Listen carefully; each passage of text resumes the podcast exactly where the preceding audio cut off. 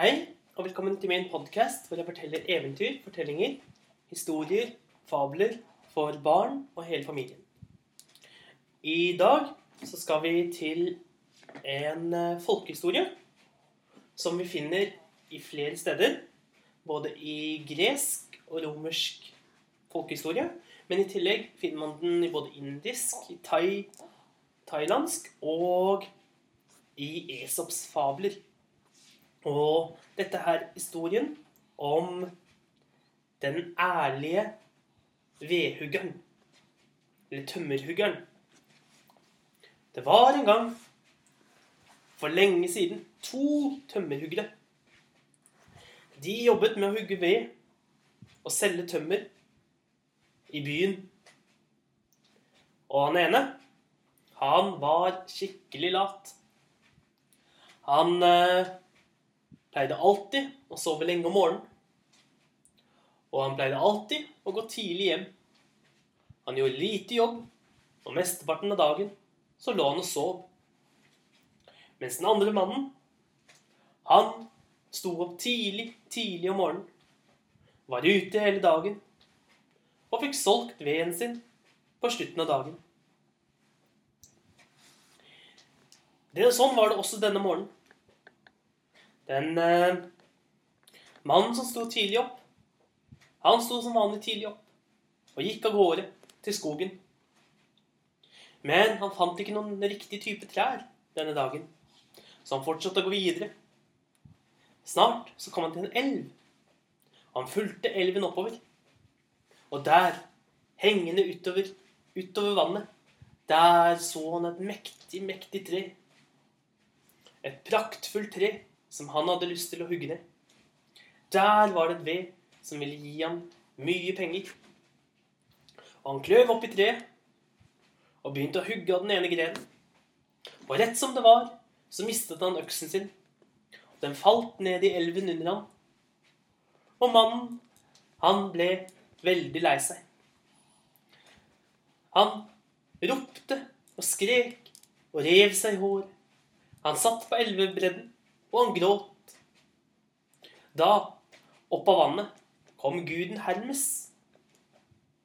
Og Hermes, han sa, Kjære tømmerhugger, hvorfor sitter du her på elven og gråter? Å, kjære, kjære deg, sa mannen. Jeg har mistet min øks. Og den, det var den eneste tingen jeg hadde. Den eneste tingen jeg eier. Med den så skaffer jeg mat til meg og til familien. Med den bruker jeg til å hugge ved hver eneste dag. Og Merkur, eller Hermes, han tok og følte synd på denne mannen.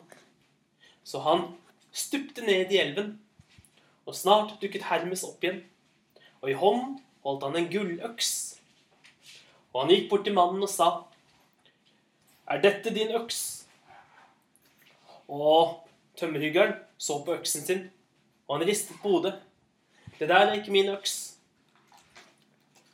Og da tok Hermes og dykket ned i vannet på nytt igjen. Snart kom han opp med en ny øks. En sølvøks. Og han spurte mannen, Er dette din øks? Nok en gang ristet mannen på hodet og sa, Min øks. Det er ingenting spesielt med min øks. Den er verken lagd av gull eller sølv.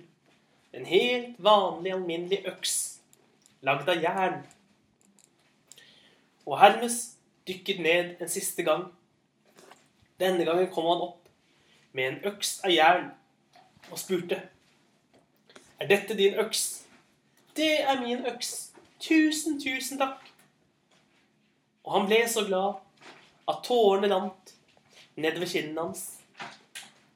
Og Hermes syntes at denne mannen var så ærlig, så snill, at Hermes sa fordi du er så ærlig, fordi du sier sannheten, og kun tar det som er ditt eget, så skal du få i gave alle tre øksene av meg.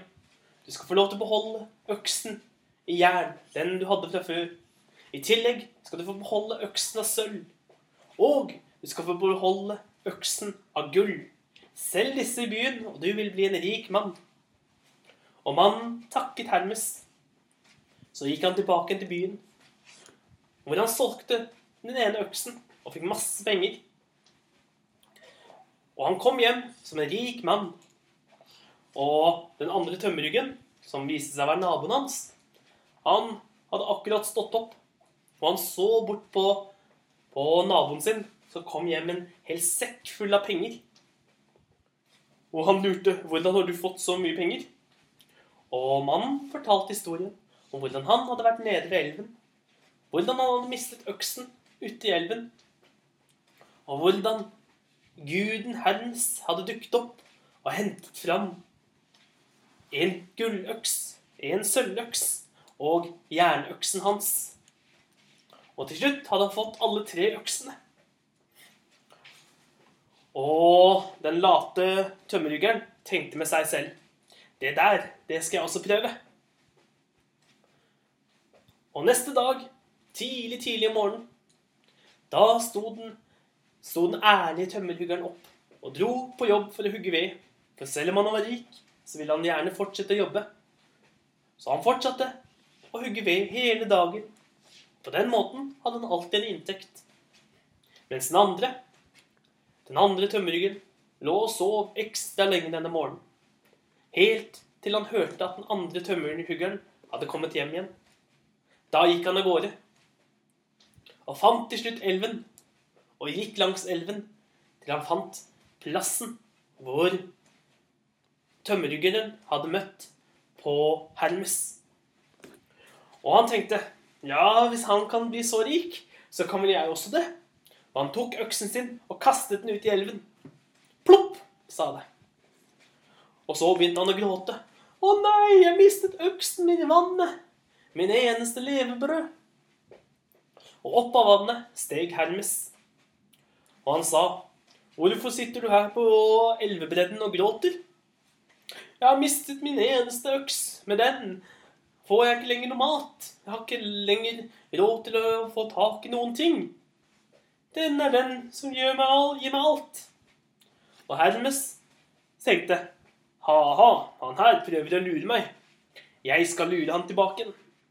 Og Hermes fløy ned i vannet. Og der tok han og lette rundt.